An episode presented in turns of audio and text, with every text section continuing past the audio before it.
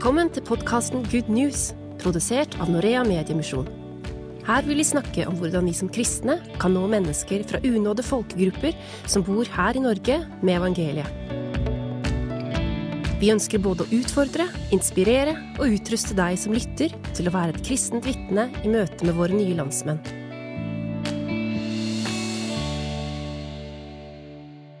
Dagens eh, hovedgjest i Good News-podkasten har vært engasjert i kristent innvandrerarbeid i 20 år, og har opplevd mange opp- og nedturer. Hvordan tar han vare på seg selv når dagene blir tunge og de menneskelige lidelsene han blir vitne til, er store? Gjesten heter Per og er sentral i det felles kristelige innvandrerarbeidet som drives i Norge i dag. Vi skal også gi deg et helt konkret tips til hvordan du kan få større frimodighet til å gå sammen med innvandrervenner på deres trosvandring. For både Per og min medprogramleder Jakob er sentrale i et kursopplegg som heter Al-Masira, eller Reisen, og de mener at Al-Masira er noe som kan være nyttig for mange, og det går også an å ta dette kurset digitalt. Dette får du høre mer om i dag. Mitt navn er Jostein Seth, og jeg er tilknytta Norea Mediemisjon, og jeg inviterer deg til å være med oss i dagens samtale her i Good News. Velkommen. Per, du har jobba mye med tverrkulturelt arbeid gjennom mange år. Jeg husker faktisk første gang jeg traff deg. Det er vel kanskje en 17-18 år siden. Det var i forbindelse med et internasjonalt eh, fellesskap eh, i den byen vi begge bodde i den gangen. Og det er et fellesskap som fortsatt eksisterer. Så jeg vet at du har, du har hatt dette på hjertet gjennom mange år. Eh, men aller først må vi Vi skal bli bedre, kjent med deg og din erfaring etter hvert, men aller først må vi høre litt Gjennom disse årene hvor du har jobba med tverrkulturelt arbeid, eh, du kom vel opp i litt forskjellige mm, spesielle situasjoner, kanskje litt sånn eh, hva skal vi kalle det for noe? Ja, annerledes, litt morsomme situasjoner. Kunne du delt en eller to opplevelser med oss? Ja, eh, en opplever jo mange ting man kan le av i etterkant, og, og underveis også. Eh, le litt av seg sjøl og møte med andre kulturer. Eh, noe av det jeg har eh, opplevd noen ganger, er at eh, mennesker fra andre kulturer er veldig opptatt av mat. Og det å spise sammen er viktig. Eh, og så har jeg vært på besøk eh, en del ganger og hvor vertskapet da plasserer mat på tallerkenen min, og det er greit. Det er mm. mye god mat, og en kan sitte og, og spise, og praten begynner å gå. Og en er fornøyd med at nå har en snart eh, spist opp alt, og, og plutselig så ser en at tallerkenen er full igjen. og da sitter en og tenker ja, hvordan skal jeg nå gå løs på det her igjen? uh, for de er uh, ofte fra en sånn bydende kultur. Hjelper at maten smaker godt, da, men Ja, heldigvis så er det veldig mye god mat. Liksom. Man blir mett også. Og så har jeg opplevd noen ganger å bli invitert av folk jeg ikke kjenner til eh, hjem til de. Det kan være i Norge, eller det kan være i, eh, i eh, Midtøsten eller andre steder. Så jeg har tenkt på det i ettertid, når jeg har fått det festmåltidet av noen ukjente som inviterte meg på gata. Så jeg har tenkt det blir litt kjent med kulturen og, og, og sånn at det, var det egentlig en høflighetsinvitasjon uh, som egentlig ikke var helt oppriktig ment, eller var det en oppriktig invitasjon? Men jeg har i hvert fall endt opp noen ganger hjemme hos noen uh, vilt fremmede og fått et uh, veldig deilig måltid. det er kanskje ikke alltid det er meningen man skal si fullt ut ja på de invitasjonene man får, men uh, det er jammen ikke lett å vite alltid. Nei, noen ganger er det jo uhøflig å ikke invitere inn på en kopp te, i hvert fall. Nettopp. nettopp. Er dette noe du kjenner igjen, Jakob? Du også har jo erfaring både utenfra og fra hjemme, hjemme her. Ja, han har vært på mange interessante måltid. Noen husker den godt, for, spesielt fordi det var mye god smak smak og mye, mye god mat, og andre husker den fordi den kanskje har gjort en kulturell tabbe underveis. men, men, eh, sånn summa summarum så vil jeg si at tross noen feil, da, så både læreren av de, og en skal ikke miste motet på å bli invitert igjen, tenker jeg. Det, det er veldig lærerikt, og, men som regel veldig godt, da. Man får jo i hvert fall noe å snakke om i en podkast. Eh, ja, ja, jeg også kjenner meg igjen akkurat det med mat. Altså dette med en fulle tallerken som du da skal spise opp, og så når du har spist opp, så er det jo egentlig uhøflig, det, for det betyr at du skal, vil ha mer, og da var det plutselig en ny full tallerken. Så ja, ja det kan være et tips. som jeg nevnte til å begynne med her, du har vært i dette med kristent innvandrerarbeid i mange mange år. Eh, hva var det som leda deg inn i det og, i, i, første omgang? Jeg tror jeg må helt tilbake til 90-tallet, da jeg gikk på en kristen videregående skole. Så begynte det å vokse fram en interesse for misjon og for andre kulturer sånn gradvis. Eh, noe som leda meg til en disippeltreningsskole i Ungdom i oppdrag, hvor jeg da fikk mulighet til å reise utenlands i noen måneder og få en større smakebit på, på dette med misjon. Og så har jeg fått reise på en del kortere turer etterpå, og bodd litt i utlandet og studert litt språk. Og eh, summen av det gjør at en, eh, en har lyst til å gjøre noe med Eh, de innvandrerne som har kommet til landet, og en føler egentlig et kall også til det. Så det har vært en reise, sånn gradvis reise, hvor jeg har tatt små steg hele tida, og så har det blitt til et større bilde. Så har jeg vært engasjert i frivillig arbeid i mange år, og nå de siste fem-seks åra som ansatt i, en, mm. i et kirkesamfunn. Mm.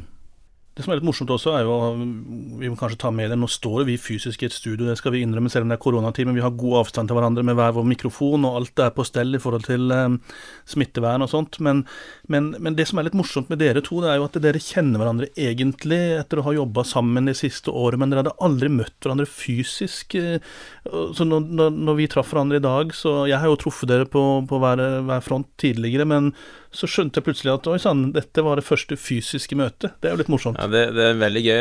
Per lanserte akkurat et nytt ord som jeg aldri har hørt før. Koronavenner. Så det vi er blitt sånn korona-online-venner.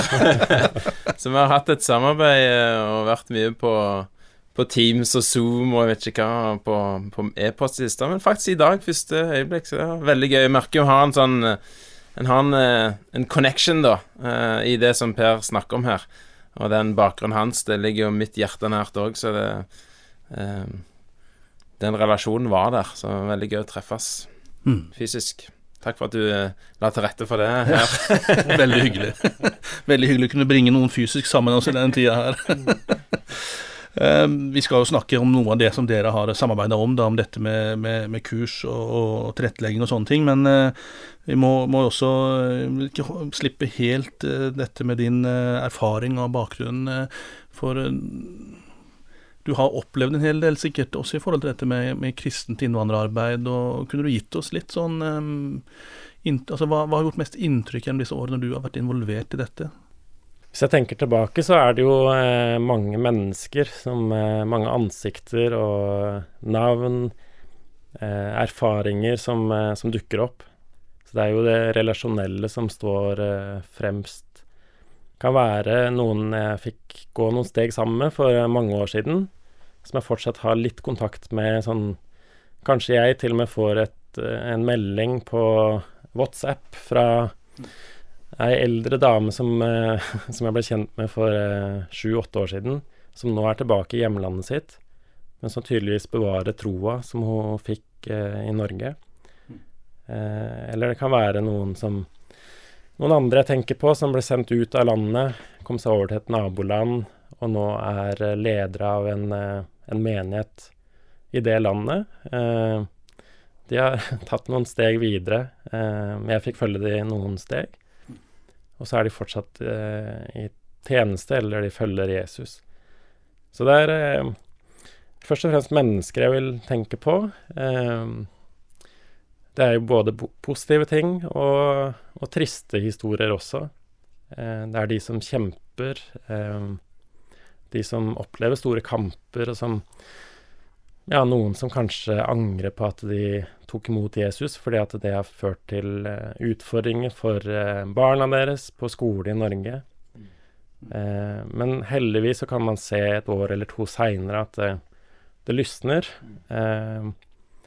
Så at det, det, går opp og ned, og det er fint å få ta del i både gledene og kampene som de står i. Det blir litt opp og ned for deg òg, da. Og det, for deg og Jakob i forhold til dette med, med opplevelser av eh, motgang for altså, Man kommer tett på folk. Jeg tenker litt på hvordan takler dere på en måte de eh, følelsene eller de opp- og nedturene for deres egen del som jobber med dette? Kan dere si noe om det? Kan du Kunne har lagd en egen podkast eller fem, en serie om det, for det er et veldig både spennende, men det er et sterkt tema. Uh, merker, merker, det preger ja, at en er i type arbeid der en gjerne er med folk eh, en, en, prøver å ønske å bygge vennskap og relasjoner, og så en i et miljø der det gjerne er Du vet ikke hvor lenge du har den relasjonen, av forskjellige årsaker og sånt. Og, uh, og samtidig de du bygger relasjonen med, opplever ofte tøffe ting og, og i livssituasjoner som er krevende. Så, så det, det, påvirker en absolutt. Det gjør det. Mm. Jeg sjøl har hatt behov for å ha noen profesjonelle å snakke med, fordi at eh, det kan bli veldig tunge byrder. Eh, tunge livssituasjoner eh, å bære på. Eh, og så er det viktig, har vært, vært, vært, viktig for meg å finne ut hva min rolle er, og hva den ikke skal være. Eh, skal jeg være den store hjelperen som skal løse alt, eller kan jeg gi hjelp litt, i den grad jeg kan gjøre det, og la andre få hjelpe litt, og la Jesus få, få gjøre det han kan. Eh, så å finne ut hva en sjøl skal gjøre og ikke gjøre, det tror jeg er viktig. Mm. Vi var jo sammen på et seminar nylig, det var også et digitalt seminar hvor det temaet var oppe. og Da var det jo han seminarholderen sa jo det at det, det fins bare én frelser. Og det var Jesus. Av og til så kan man på en måte som menneske påta seg litt for stort ansvar i andres liv som har en utfordring. Så det du er inne på, det er at du kan være en, en hjelper kanskje til en viss grad, men, men altså det at det, det, faktisk er et poeng å ikke ta for, for stort ansvar heller i andre menneskers liv, og det er kanskje et viktig poeng her. Mm. Det er gjerne en ting som en gjør både bevisst, men òg ubevisst. Og en vil hele veien Eller er veldig godt å få den påminnelsen om at du, det er ikke du som er redningsmannen. Liksom. Det, det, skal du få hvile gjennom at, at, Jesus er, men du skal likevel få lov å bety noe. Og det som en jo ofte ser, da, det tipper jeg Per Åge har erfart, er at du, du får så mye tilbake igjen, og du får så mye sjøl av å være i relasjoner med gjerne folk som har det mer krevende enn deg og sånt. Altså, så du, du blir så velsigna òg inn i disse relasjonene. Så.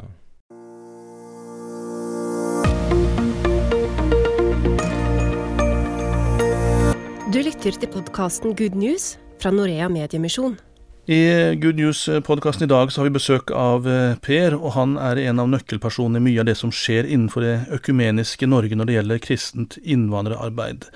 Og det skjer mye spennende, og en av de tingene som eh, vi skal snakke om nå, er et kurs som heter Al-Masira. Men aller først har jeg lyst til å spørre deg, hvor viktig er det at eh, norske kristne enkeltmennesker og kirker og organisasjoner går sammen og, og drar i fellesskap eh, innenfor dette feltet her? Jeg tenker det er helt essensielt å samarbeide, eh, fordi at eh, jeg tror ingen av oss har eh, all kompetanse eller erfaring eller uh, at vi er sterke nok aleine, egentlig. Vi er ikke så stort land og uh, så mange at vi, vi kan stå helt aleine. Så når vi finner sammen, så kan vi utveksle erfaringer og spille på lag. Noen er sterke på noe, andre er kanskje sterke på andre ting. Og så kan vi få inspirere hverandre. og Kanskje sammen peke ut en kurs for eh, veien framover. Og så tenker jeg at det er et veldig godt vitnesbyrd å, å, stå sammen på tvers av eh, organisasjoner og kirker. Ja, for vi bygger ikke først og fremst et kirkesamfunn eller en organisasjon, men Guds rike. Og det er et fellesprosjekt som vi står sammen om. Mm. Og Et av de eh, kursene som dere jo har jobba mye sammen om, det er noe som heter Al-Masira, som da betyr reisen, etter det jeg forstår. Og Hva er det for noe kort, eh, Jakob? Det er, som du sier, reisen. Ehm, det er et, et kurs, kan en si, men det er på en måte en, et opplegg hvor en får mulighet til å gå sammen med en muslim. Eh, og på en vandring sammen og bli kjent med Eh, med Jesus, eh, hvor han går sammen og vandrer en gjennom en reise fra Gammeltestamentet til Nytestamentet og introduserer Jesus og hvem han er, og hvor han kommer fra. Vet ikke om du har noe å tilføye. Hvordan ville du beskrevet kurset, Per? Ja, eh, det er jo en reise, og det er filmbasert. Så det er filma Det er lagd i Midtøsten, Nord-Afrika, den delen av verden. Så det er ikke et vestlig verktøy som er oversatt til arabisk eller farsi eller tyrkisk, men det er opprinnelig på, på arabisk. og det gir en, en Midtøsten-innpakning av Det er lagd på en måte som gjør at det skal være mer forståelig for mennesker som har vokst opp hovedsakelig der, og som er nysgjerrig på hvem Messias er. og går grundig gjennom mange av profetene i Det gamle testamentet eh, for å bygge et fundament for å snakke mer om hvem Messias er. Mens et eh, vanlig alfakurs begynner rett på 'Hvem er Jesus?' Hvorfor døde Jesus? Så gir ikke det nødvendigvis noen eh, stor forståelse for en, en eh, muslim som ikke har hørt så mye om, om Jesus eller Bibelen før. Hvis jeg nå kunne tenkt meg å være med på det kurset her Nå er jo dere proffe, for å bruke et sånt ord i denne sammenhengen her. Ehm, men eh, hvis jeg da jeg tenker at eh, det hadde vært fint å liksom bli litt tryggere på, på å gå altså den reise, som dere sier, med noen muslimske venner, eller noen som en opplever er litt søkende av innvandrere med den type bakgrunn. Eh, er dette her noe for meg, eller er det sånn type proft opplegg at her må du virkelig liksom være en som er kaldt, eh, og som jobber med dette her? For dere jobber med dette her. På den ene siden vil jeg jo si det er et proft opplegg. Eh, det er et opplegg som virkelig, sånn som Per sier her, er bygd opp på en profesjonell måte i, et, i en god kontekst som gjør det mulig å forklare litt enklere. Samtidig så er det lagd for at den enkelte, uansett hvem en er, kan få et verktøy som en kan bruke uh, i møte med sin nye relasjon, sin nye venn. Uh, der mange spør seg ja, hvor begynner jeg hen? Hva skal jeg begynne i Bibelen? Skal jeg begynne i forklare det og det? Her, her har han et veldig fint verktøy som hjelper en å sette seg ned sammen og se en film, få, et, uh, få noen spørsmål som ligger til rette, og, og, på en måte ta en reise sammen. Og det er en viktig, viktig greie med dette kurset. En, en det er ikke jeg som står og, eller du som står og underviser og sånt, men du må hoppe inn på reisen sammen med vennen din, og så følger dere et løp. Du introduserer Jesus og gjennom den reisen, da. Så det, det, er et verktøy som jeg absolutt vil si passer for alle. Du må ikke være proff for å bruke det. Du kan bli opplært i det, og det er ganske viktig for å få forståelse hva det er. Eh, men når du har fått litt sånn eh, grunnleggende hva, hvordan du bruker det, så kan alle bruke det da. Ja. Det er ikke sånn at du må være klar for å bruke det i morgen heller. Jeg forstår at her er det noen som har tatt kurs for mange år siden og først fått muligheten til å ta det, til å ta det i bruk eh, nå. Mm. Ja, det å delta på et opplæringskurs kan være en, eh, en helt eh, real ting å gjøre for egen del.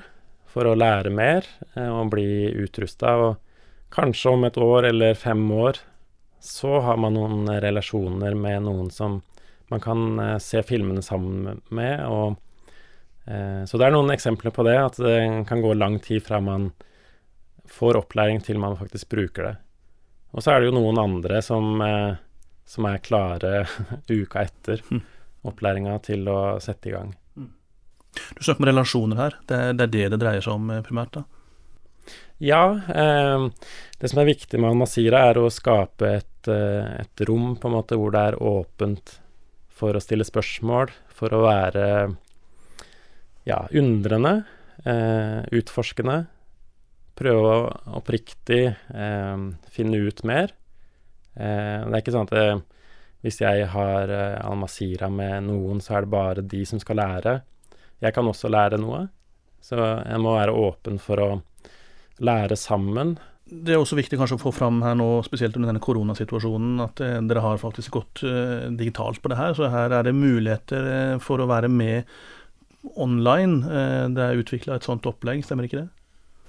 Jo, eh, det finnes ulike opplegg, og dette kanskje i hovedsak har det vært mest av altså opplegg som eh, er veilederkurs, eller som du lærer om opplegget for å kunne bruke det sjøl. De, de, ønsker at du skal ha vært gjennom et kurs og lære om eh, Almasira før du begynner å ta det i bruk.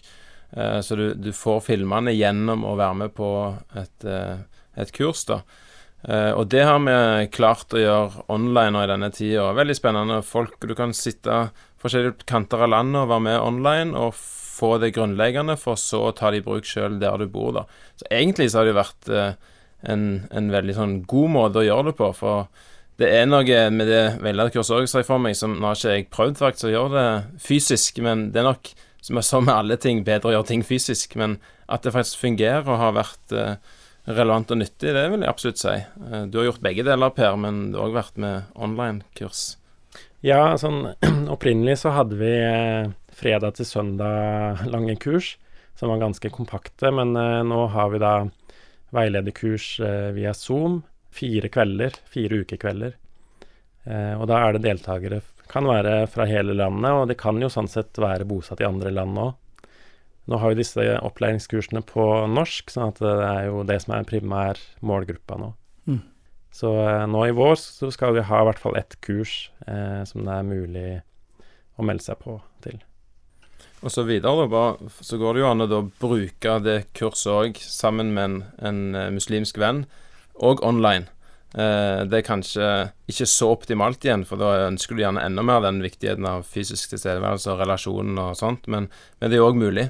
Du kan se filmene hver for seg, og så sitte på telefonen og prate om det. Og, så, så det er absolutt en mulighet, det òg. Det har ikke jeg prøvd sjøl, men eh, det har vært spennende.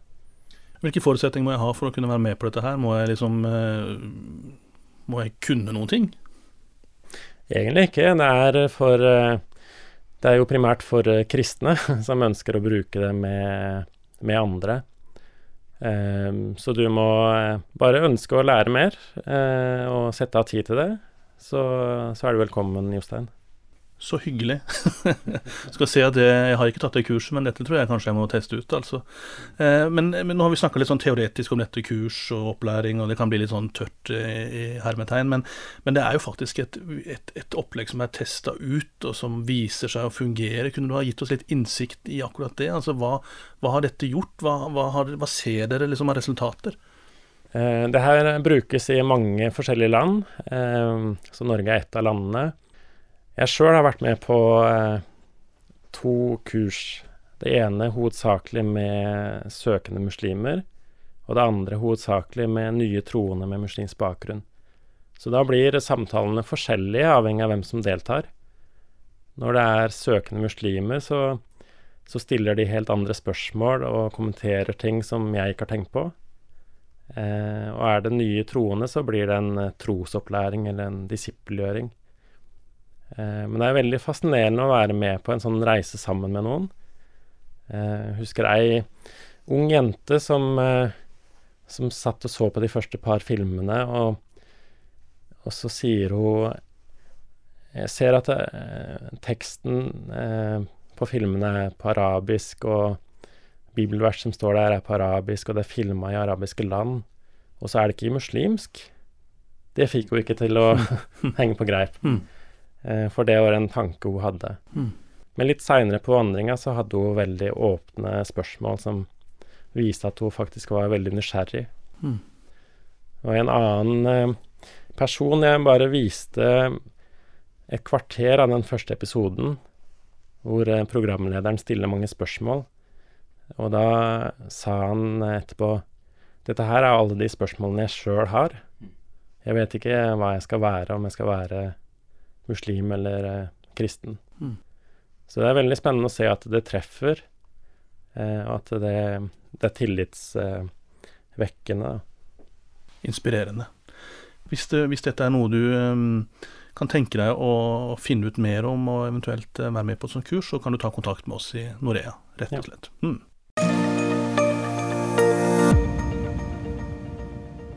Helt til slutt, eh, du smiler litt der. Eh, jeg har valgt å kalle deg for statistikeren vår, eh, Jakob. Du er ikke helt komfortabel med den tittelen, men, men, det som er saken, er at vi, vi ønsker å ha en liten sånn en avdeling her på slutten rundt noen tall og statistikk. Det kan høres veldig kjedelig ut, det òg, men det er jo litt interessant altså, i forhold til innvandrere og, og situasjonen i Norge. Har du har du et par ting du kunne delt med oss som kanskje ja, Jeg er ingen Hans Røsling, hvis det er han du ser for deg i, med sine appelsiner og jeg vet ikke hva på han er jo en kjent statistiker som, eh, som får det til å bli spennende, da.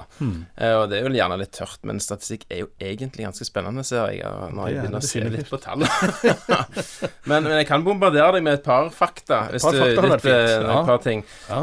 For det første da, så er det jo mange gode plasser du finner disse tallene. Og det er masse tall der ute. Noen, når jeg så på det nå var ikke helt nyoppdaterte, men Statistisk sentralbyrå, altså dette Integrerings- og mangfoldsdirektoratet Nå har du begynt å sove allerede, ser jeg, når jeg nevner sånne navn. Og Utlendingsdirektoratet. Alle disse her har gode tall.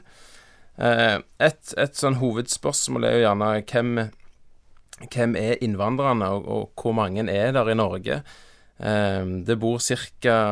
nesten en million. Eh, personer i Norge som er innvandrere. Da er skal vi si, ca. 200 000 av de født i Norge, mens de andre er da født i utlandet. Eh, så de utgjør ca. 15% av befolkningen. Eh, de kommer fra alle verdens kanter. Eh, eh, så det er et utrolig spennende mangfold i innvandrerne. Det, det er, de største gruppene er jo fra Europa, da. fra fra Polen og Litauen. Arbeidsinnvandring typisk. sant? Og så er Asia, med Tyrkia, eh, den nest største gruppa. Eh, og så har du jo andre litt sånn store liksom går inn på land, da, eh, så har du jo Syria, og Somalia, Irak og Filippiner, Eritrea, som er andre sånn litt store land, og pakistanere.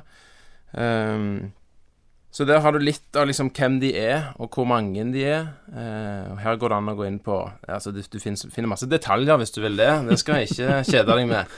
Eh, et annet ting som jeg fant til slutt her, da, det, det handler litt om hvor, hvor bor innvandrerne i Norge. Eh, det syns jeg var litt spennende å finne ut av. Eh, og der ser jeg at eh, det faktisk Nå er dette fra 2019, tror jeg, men da var det iallfall sånn at det bor personer med innvandrerbakgrunn i alle landets kommuner. Det er litt kult. Eh, og gir et, et, viktig perspektiv, tenker jeg, inn i vår, eh, vår setting her i Good News-podden. Altså, de bor i alle landets kommuner. Selvfølgelig så vet vi jo at det bor flest gjerne i bykommuner. Eh, og, i, og, i, storbyene er jo absolutt der det er mest, eh, mest innvandrere. Men, men, at vi har det i, i hele landet. Så det er et par, eh, par ting. Spennende. Det, er helt, det som er helt sikkert, er at ingen kan si her at dette ikke er relevant for oss, denne kommunen vår. For, og som kristne så har vi jo faktisk et kall til å nå de menneskene som er rundt oss med evangeliet. Og når du setter opp disse tallene her, så blir det jo ekstra sterkt. Og så tenker jeg også at det er faktisk, sånn som vi har vært innom i dag, at mange av disse kommer fra land der hvor det å snakke om Jesus, det å høre om Jesus, det i det hele tatt å tro det er forbundet med fare for livet og ikke lov. Og så kommer de hit til oss. Her er det lov. Og da er det kanskje oss det står på i noen grad. Eh, og det tror jeg også vi har fått en påminnelse om i, i dagens episode av Good News. Da tror jeg vi runder av for i dag, og så mm, har vi stor tro på at eh, det å samtale og utfordre hverandre på disse spørsmålene her, det er viktig, og det oppfordrer vi deg til å gjøre. Og også undersøke om disse ressursene kunne være noe du skulle være med på. Da kan du også kontakte oss i Norea, så skal vi være behjelpelige med å eh, informere deg videre. Og dette er også helt sikkert eh, et tema som vi kommer til å snakke mer om, og du finner også mye ressurser på appen vår, Jakob, ikke sant? Ja, der vil iallfall bare komme enda mer, tror jeg, om dette her. Så der skal vi prøve å oppdatere både på kurs og ting som kommer, og, og være til hjelp i den retningen der. Takk for følget i dag. Mitt navn er Jostein Sett, og det er Norea Mediemisjon som eh, er ansvarlig for denne podkasten.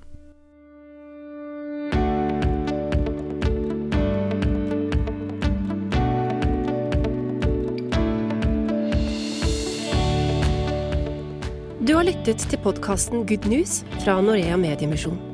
Ta gjerne kontakt med oss om du har spørsmål eller kommentarer.